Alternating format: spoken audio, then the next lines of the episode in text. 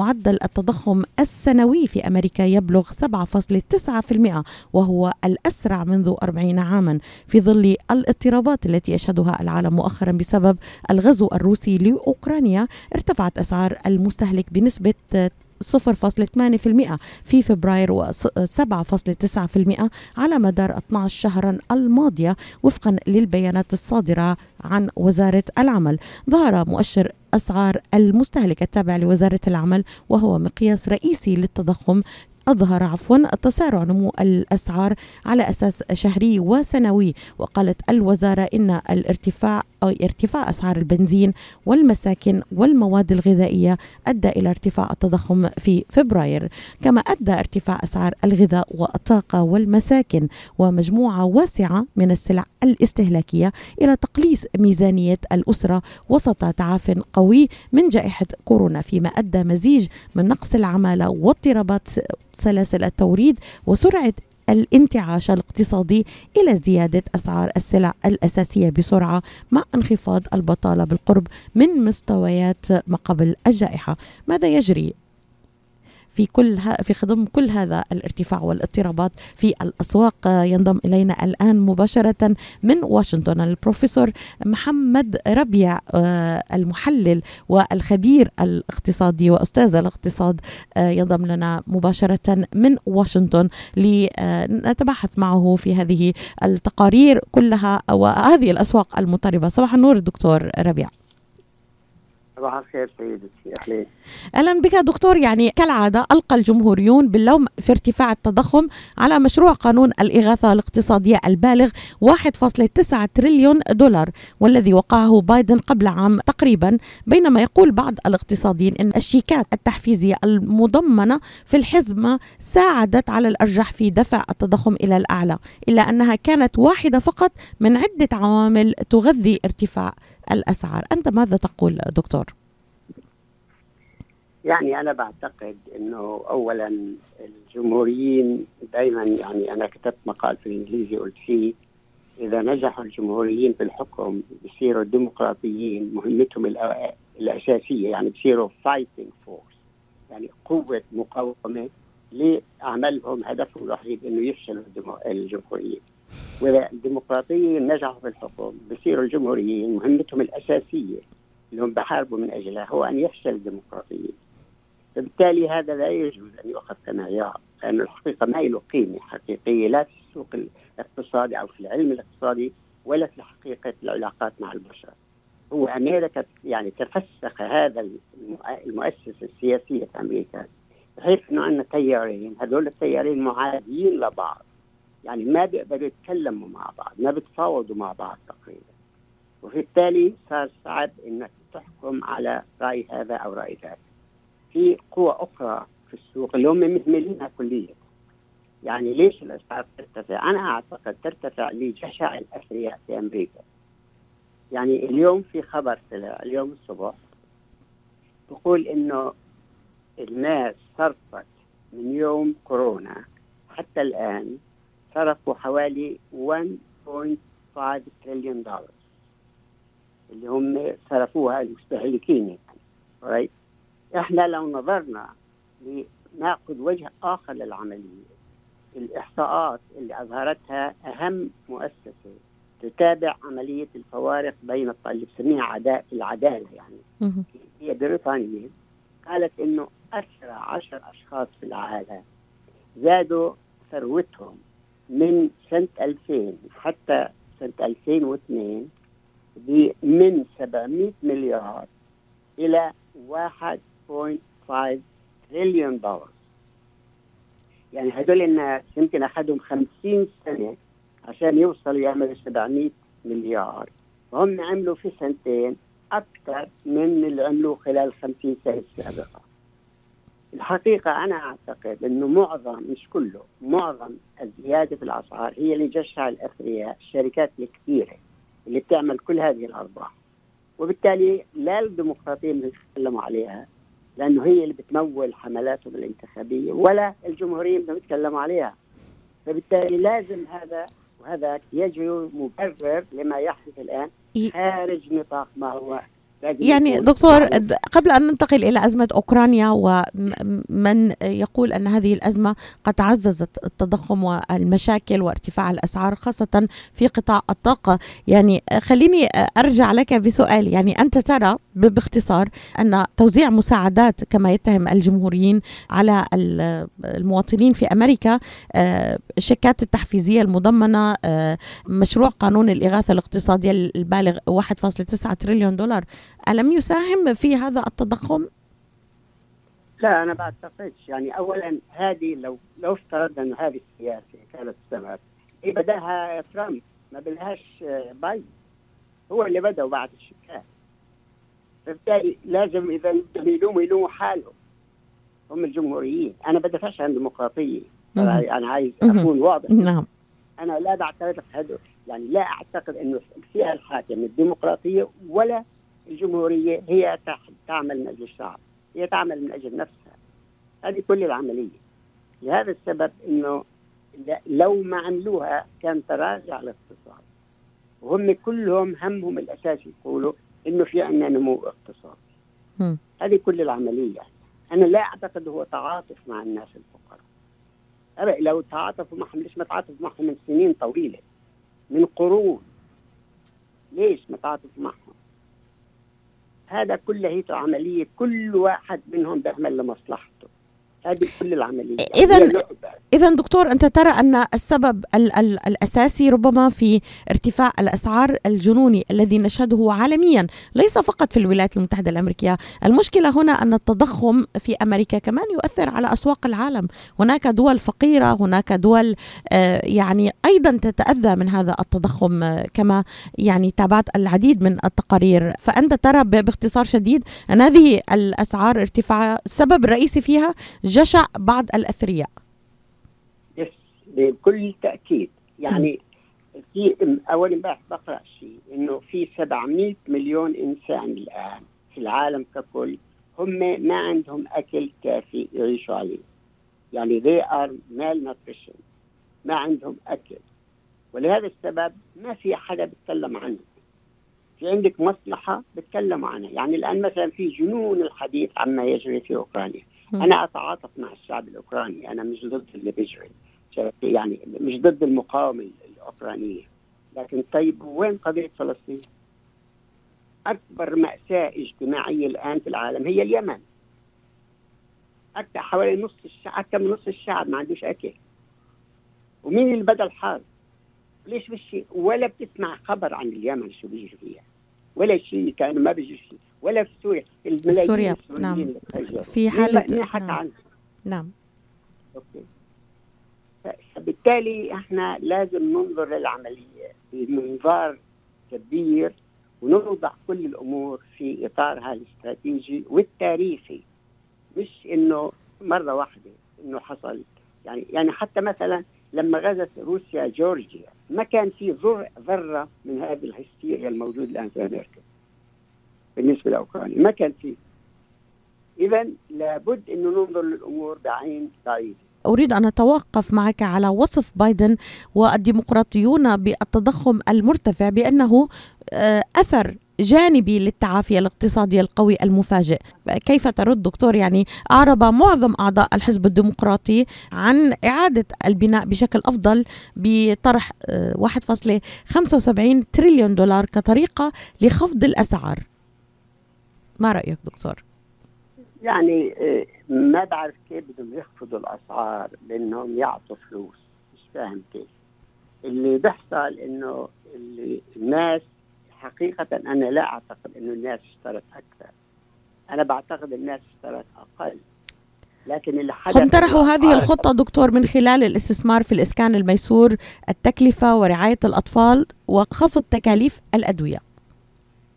هذا شيء جيد بس هذا باخذ وقت. يعني ما في شيء بعطي لك يعني رد فعل آه، تكلم يعني عن بيوت. قديش تاخذ وقت لما ينبنى بيت؟ ومرات حتى في ناس بقول لك إنه هو بحق لي ياخذ قرض معين. مرات بقعد ست أشهر وسنة بقدرش أخذ القرض. في معاملات كثيرة. يعني هذا عمليات بدها تخش في البيروقراطية بتاخذ وقت. يعني هذا على مدى سنين. جيد. أنا معاه. أنا دائما بوقف مع الناس الفقراء بوقف مع الناس المحتاجين الناس المظلومين. لكن إنه إحنا نقول إنه هذا راح يوقف التضخم ما راح يوقف التضخم إلا إذا عملوا تحديد يعني مثلا تحديد أسعار الأدوية. هذا شيء جيد جدا. أنت تعرف يمكن الناس ما بتعرف ان الكونغرس يعني اولا الأدوية الامريكا اللي تنباع هنا أنت بتشتريها بعشر السعر في أوروبا صحيح. وفي بلاد أخرى صحيح. وأنا اشتريتها يعني. أنا صحيح. أعرف هذا من خبرتي الشخصية. وهو يعني ما لا أستطيع تفسيره دكتور. يعني لماذا سهل الأس... جدا تفسيره. سهل جدا. إنه أنت عندك ساحة لشركة الأدوية. إنه تأكل الناس فيها. ليش ما تأكل الناس؟ مين عنده ق... مين عنده ذرة من الضمير في شركة الآن؟ ما في ذره ذرة من الضمير. فبالتالي اللي بيحصل إنه سمحوا لهم. أخذ القانون الكونغرس أخذ قرار قديم جدا بإنه ممنوع ال social security التامينات الاجتماعيه إنها تفاوض الشركات على ثمن الأدوية. فمضطرة تدفع نفس يعني هذا قرار قديم عرفت إذا تعدى الأخيرة بس هذا القرار كان أخير. ليش أنت بتحمي هذه الشركات ضد أهم برنامج لمساعدة الناس المحتاجين اللي هو ال social security ليش؟ لأنك أنت مصلحتك مع هذول أنت منهم. أنت من الأثرياء الذين يقوم باستغلال كل فرصة لمص دم الفقراء. إذا دكتور لو ح... لو أردنا أن نلخص لمستمعينا برأيك من وجهة نظرك التحليل, التحليل للموقف كاملا قبل أن ننتقل إلى ال- الفيدرالي الأمريكي ورفع أسعار الفائدة وأثره وما يعني ذلك وأيضا أزمة أوكرانيا. يعني إذا لخصت لنا أسباب آه، هذا التضخم وكيف سنلمسها يعني الآن نحن لامسين ارتفاع الأسعار. آه، أسباب التضخم باختصار دكتور برأيك. أنا بعتقد أسباب التضخم السبب الأكبر والأساسي هو جشع الأثرياء الشركات الكبيرة هذا واحد. والثاني اللي هو الحقيقة اللي هي supply chain إنه ما عاد سهولة النقل والشحن.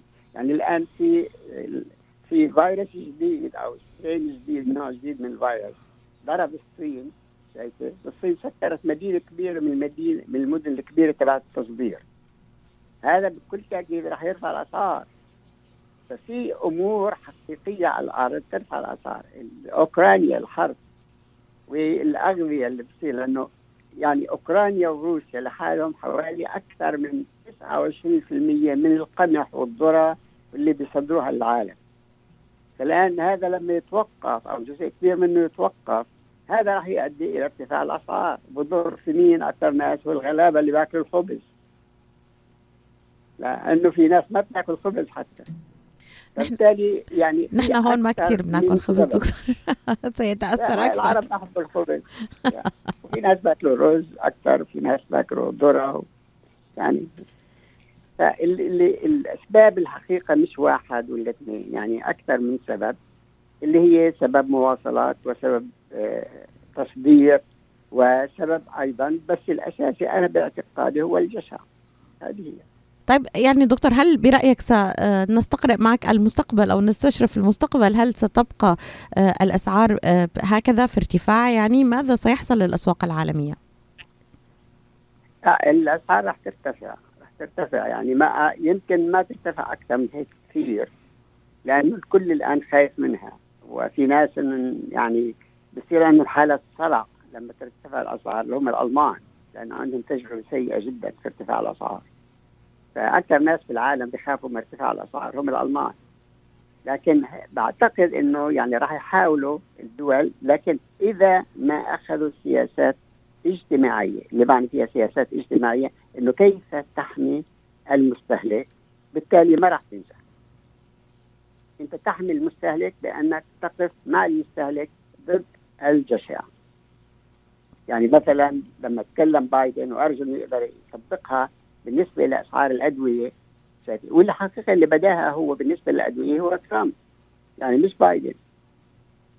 فباستطاع إنه يحدد الأسعار ويخليهم يأخذوا نفس السعر اللي ياخذوه في أو بيبيعوا عليه في الخارج. هذا بيصير في انخفاض كبير في الأدوية. وهذا بيساعد الناس كلها مش بس الفقراء الفقراء والأثرياء اللي بيصرفوا خاصة الناس اللي بتحتاج لأدوية كثيرة. دكتور يعني التضخم يدفع الفدرالي الامريكي لرفع أسعار الفائدة لأول مرة منذ 2018 قرر مجلس الاحتياطي الفدرالي الأمريكي يوم الأربعاء رفع أسعار الفائدة بمقدار ربع نقطة مئوية كما أشرت لأول مرة منذ عام 2018 بعد الحفاظ على سعر الفائدة ثابتا بالقرب من الصفر منذ بداية جائحة كورونا كيف سيؤثر ذلك دكتور؟ الارتفاع ما راح يأثر كثير على الأسعار لأنه هو تأخر كثير. ولما تحسن الاقتصاد في 18 هو الكورونا إحنا عرفنا عنها سنة ال 20 حقيقة. بدات في 19 بس إحنا اعترفنا فيها في سنة ال 20 في أمريكا. امين يا 20 فبالتالي هو من الأول خفض هذه وخفض أيضا الأثرياء. يعني ما كان في داعي يخفض على السفر لأنه هل يعني مثلا يعني أنا لما الناس تسالني على السوق المالي إنه شو مستقبل السوق المالي؟ بقول لهم ما تخافوا ما تخافوا. في فلوس كثيرة في أمريكا وفيش فرص استثمارية. فهم كلهم بقامروا في السوق المالي والسوق المالي راح يستمر. يوم بيطلعوه بعدين بنزلوه بعدين بيطلعوه أساسا لأنه في المتحكمين فيها مجموعة قليلة. أنا ما بعتقد بزيد عن 100 واحد. دكتور يعني هناك توقعات لمسؤولو الاحتياط الفيدرالي بأربعة زيادات أخرى في أسعار الفائدة في العام المقبل 2023 آه، ما سيرفع سعر الفائدة القياسي إلى 2.8 2.8 ألا تعتقد أن هذه الارتفاعات من المرجح أن تؤدي إلى زيادة تكاليف الاقتراض لقروض الرهن العقاري بطاقات الائتمان وقروض السيارات؟ على الأقل يعني زيادة ظاهرة ممكن أنه نلاحظها. فيها 100% يعني بس هي الاقتراض على الكروتة يعني بعتقد يمكن لا لأن هم أصلا عندهم مجال كبير جدا يرفعوها ل 29% بس هي اللي راح يزيد على العقارات بكل تأكيد وعلى القروض تبعت السيارات راح يزيد بكل تأكيد وعلى الناس الفقراء اللي بياخذوا مرات لاسبوع بيقترضوا. هذا كله راح يرتفع. لأنه ما لما ارتفع هم أصلا كل البنوك والمؤسسات الإقراض هذه بتستنى اللحظة هذه علشان هي ترفع. وتقول لك إحنا مش إحنا المسؤولين. المسؤول هو البنك الفدرالي لأنه هو رفع الفائدة. يعني زمان لما كانت الفائدة خلينا بس نرجع شوية ستة وسبعة وثمانية في المية ما كان في inflation ما كانش في تضخم. المهم أنت لما تعودي واحد زي spoiled الولد بصير متعود إنه بدك تجيبي له شوكولاتة كل يوم. زي ما جبتي له شوكولاتة بيطلع يعني يبكي. بيعمل لك مشكلة في البيت. فاحنا الآن عندنا هذه النقطه يعني إحنا عودناهم إنه هذه الفلوس تاخذوها ببلاش. البنوك بتقترض ببلاش. ممكن يقترضوا ببلاش ورجل يحطوا الفلوس في البنك في البنك الفدرالي البنوك يعني لأنه مش عارفين شو يعملوا فيها. فبالتالي إحنا عودناهم على هذه العملية. الآن بدك ترجعي تعاودي تربيهم. هم كبروا شوية صار صعب تربيهم. فشو راح يصير؟ حقيقة ما بعرف بس حتما إذا رفعوا السعر يعتبروها هذه فرصة فيرفعوا بشكل أساسي أكثر ناس اللي هم الناس اللي بالعقارات اللي بيقدر عنده to refinance الآن يعملها اللي عنده قرض كبير يعمل refinance من الآن والأسعار قليلة لأنه واضح جدا إنه الأسعار رح ترتفع دكتور بدقيقة فضلا يعني آه، الأزمة الأوكرانية لا شك رفعت أسعار النفط كما استمعت في بداية التقرير وأيضا آه، رفعت أسعار الطاقة بالعموم. ماذا ستشهد الأسواق إذا استمرت الأزمة بدون حلول؟ آه، يعني نتمنى أن يظهر حل سياسي قريب كما تابعت التقارير هذا اليوم أن هناك فرص تلوح في الأفق لحل سياسي. ولكن حاليا يعني هل ستستمر أسعار النفط في القفز أسعار الطاقة؟ في دقيقة من فضلك. يعني أنا بعتقد في السوق الحالي ممكن تستمر. يعني أنا عبيت سيارتي قبل يومين السعر ارتفع 50% يعني أكثر مما بيحكوا. حتى أنت لما لما بيحكوا عن السعر بقولوش قديش النسبة بقول لك قديش ارتفع قديش معدل الأسعار. لأنه إذا قالوا النسبة بتطلع عالية جدا 50% بيحاولوا يتحاشوها لأنه الإعلام بيشتغل مع الأثرياء مش معانا. لهذا السبب إنه الأسعار ارتفعت. وبعدين هذه فرصة بس أنا أعتقد إنه بدأت تهدأ أسعار البترول البرميل يعني زاد حتى أنت قلت في النشرة الإخبارية. والسبب بسيط إنه السعودية الآن ممكن تزيد مع إنه هي كانت واقفة مع آه، روسيا. يعني متفقين من زمان ما يزيدوا الإنتاج حتى ما تنخفض الأسعار. بس في إنتاج إنه ممكن يسددها. يعني ممكن السعودية والإمارات والدول الأخرى اللي هي بتنتج بترول اللي هي دول أوبك إنه ترفع الإنتاج شوية وكمان في احتياطي عند الدول هذه الأوروبية والأمريكية ممكن تطلع نعم دكتور يعني هناك هناك تقارير أشارت هذا الصباح أيضا إلى لجوء آه، أمريكا إلى استخدام الاحتياطي آه، من النفط لخفض الأسعار.